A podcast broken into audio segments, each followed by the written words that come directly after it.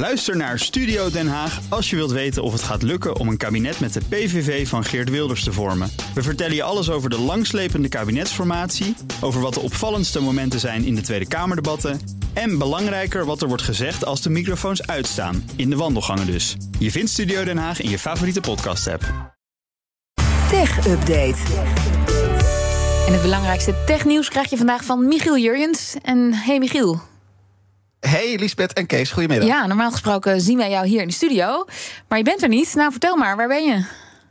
Ja, dat klopt. Ik sta niet in de studio. Ik ben in uh, Los Angeles, namelijk Kijk. een heel stukje verderop. Ik zit in een uh, hotelkamer, vandaar de tech-update op afstand. Over reiskostenvergoeding uh, gesproken. ja, daar moet ik nog over in onderhandeling. Uh, dat is voor een later moment. Uh, het heeft ook een reden dat ik hier ben, daar kom ik zo nog even op terug. Maar er gebeurt heel veel, dus laten we eerst dat even doornemen. Dat is goed. Nou, China dan, om te beginnen, streeft naar wereldwijde technologische overheersing. World domination in tech. Ja, dat zeggen ze vast niet zelf. Nee, het zijn uh, onheilspellende woorden inderdaad van uh, Lindy Cameron. Dat is de hoogste baas van het Britse National Cyber Security Center. Dat is dan weer onderdeel van het Government Communications Headquarters, een van de Britse inlichtingendiensten. Volgens haar is ja, China niet alleen bezig om op gelijke hoogte te komen met westerse landen als het gaat om technologie. Mm-hmm. Zijn ze juist bezig? Is het beleid erop gericht om daar nog overheen te gaan? Bijvoorbeeld voor spionage, maar ook in de race om intellectueel eigendom en om de eigen geopolitieke doelen te bereiken.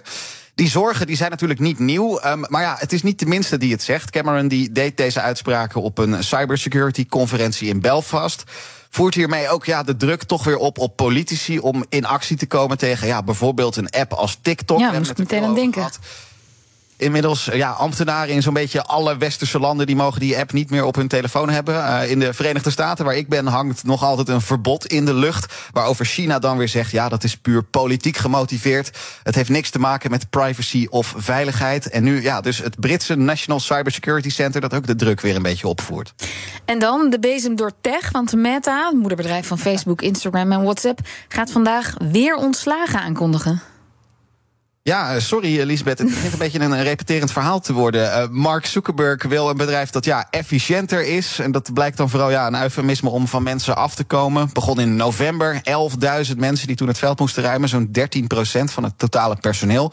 Zuckerberg die zei vorige maand zelf nog een keer... ja, die efficiëntieslag die is nog niet klaar. En dat blijkt wel, want Bloomberg heeft nu een interne memo in mm-hmm. handen... waarin Meta dan tegen managers in het bedrijf zegt... dat ze zich moeten voorbereiden om ja, later vandaag... een heleboel ja, slecht nieuwsgesprekken te gaan voeren... of anders e-mails met slecht nieuws te gaan sturen. We weten niet precies om hoeveel mensen dit gaat. Ik kan me haast niet voorstellen dat het er weer ja, echt duizenden zullen zijn. Er werken nog altijd tienduizenden mensen bij Meta. Pardon. Um, in die memo staat, ja, het gaat om personeel in Noord-Amerika. En in die memo staat ook... Ja, dat personeel dat vandaag thuis kan werken, uh, dat maar moet doen, uh, zodat ze dat slechte nieuws beter kunnen verwerken. Oké, nou Meta deed dit dus al eerder. Waarom moeten er nog meer mensen worden ontslagen? Efficiëntie is een vrij breed begrip. Ja, ja, zegt dat wel. En, en het, het hoe en waarom precies, daar zegt deze interne memo uh, helaas niet zoveel over. Meta wil uh, ook niet op de berichten reageren. Verwijzen dan ja, naar het statement van Zuckerberg eerder dit jaar, waarin hij zei dat 2023 het jaar van de efficiëntie zou worden. Meta was ja, jarenlang stormachtig aan het groeien. Uh, het kon niet op, dat ging maar door. Maar daar is een einde aangekomen de afgelopen tijd. Uh, bijvoorbeeld Facebook, dat stagneert, soms ook zelfs gebruikers kwijtraakt. Komt het economische klimaat nog bij, dat nog altijd niet gunstig is. Dus het zal vooral toch weer een optelsom van al die zaken zijn. Ja, en blijft er nog één vraag over, Michiel. Ja, waarom zit jij in Los Angeles? En hebben we een tech-update die heel goed klinkt trouwens, maar van duizenden kilometers verderop. ik ben blij dat het goed klinkt, ondanks de afstand. Ja, de, zoals ik zei, het, het is hier uh, vroeg in de ochtend. Het is hier uh, kwart over zeven nu. Ik ga zo meteen naar Santa Monica. Ja? Daar is uh, de zogenaamde Partner Summit van Snap. Snap kennen we vooral van Snapchat, de app. Een jaar of tien geleden waren zij het die ja, de augmented reality, als het ware, uh, mainstream hebben gemaakt. Begon met hondenoren of, of je deed je mond open voor je camera en er kwamen dan regenbogen uit. Um, nou, inmiddels tien jaar verder, er kan heel veel meer met die AR. Inmiddels heeft Snap een eigen chatbot, uiteraard. Um, en ik ga dus ja heel veel horen over zowel AR als AI vandaag. Ik heb interviews met ontwikkelaars en daar vertel ik dan morgen uh, onder andere in de de ochtendspits weer wat meer over. Eh, maar dat is het korte antwoord op de vraag eh, waarom ik zo ontzettend ver weg zit. Dankjewel, Michiel Jurjens. De BNR Tech Update wordt mede mogelijk gemaakt door Lenklen. Lenklen. Betrokken expertise, gedreven resultaat.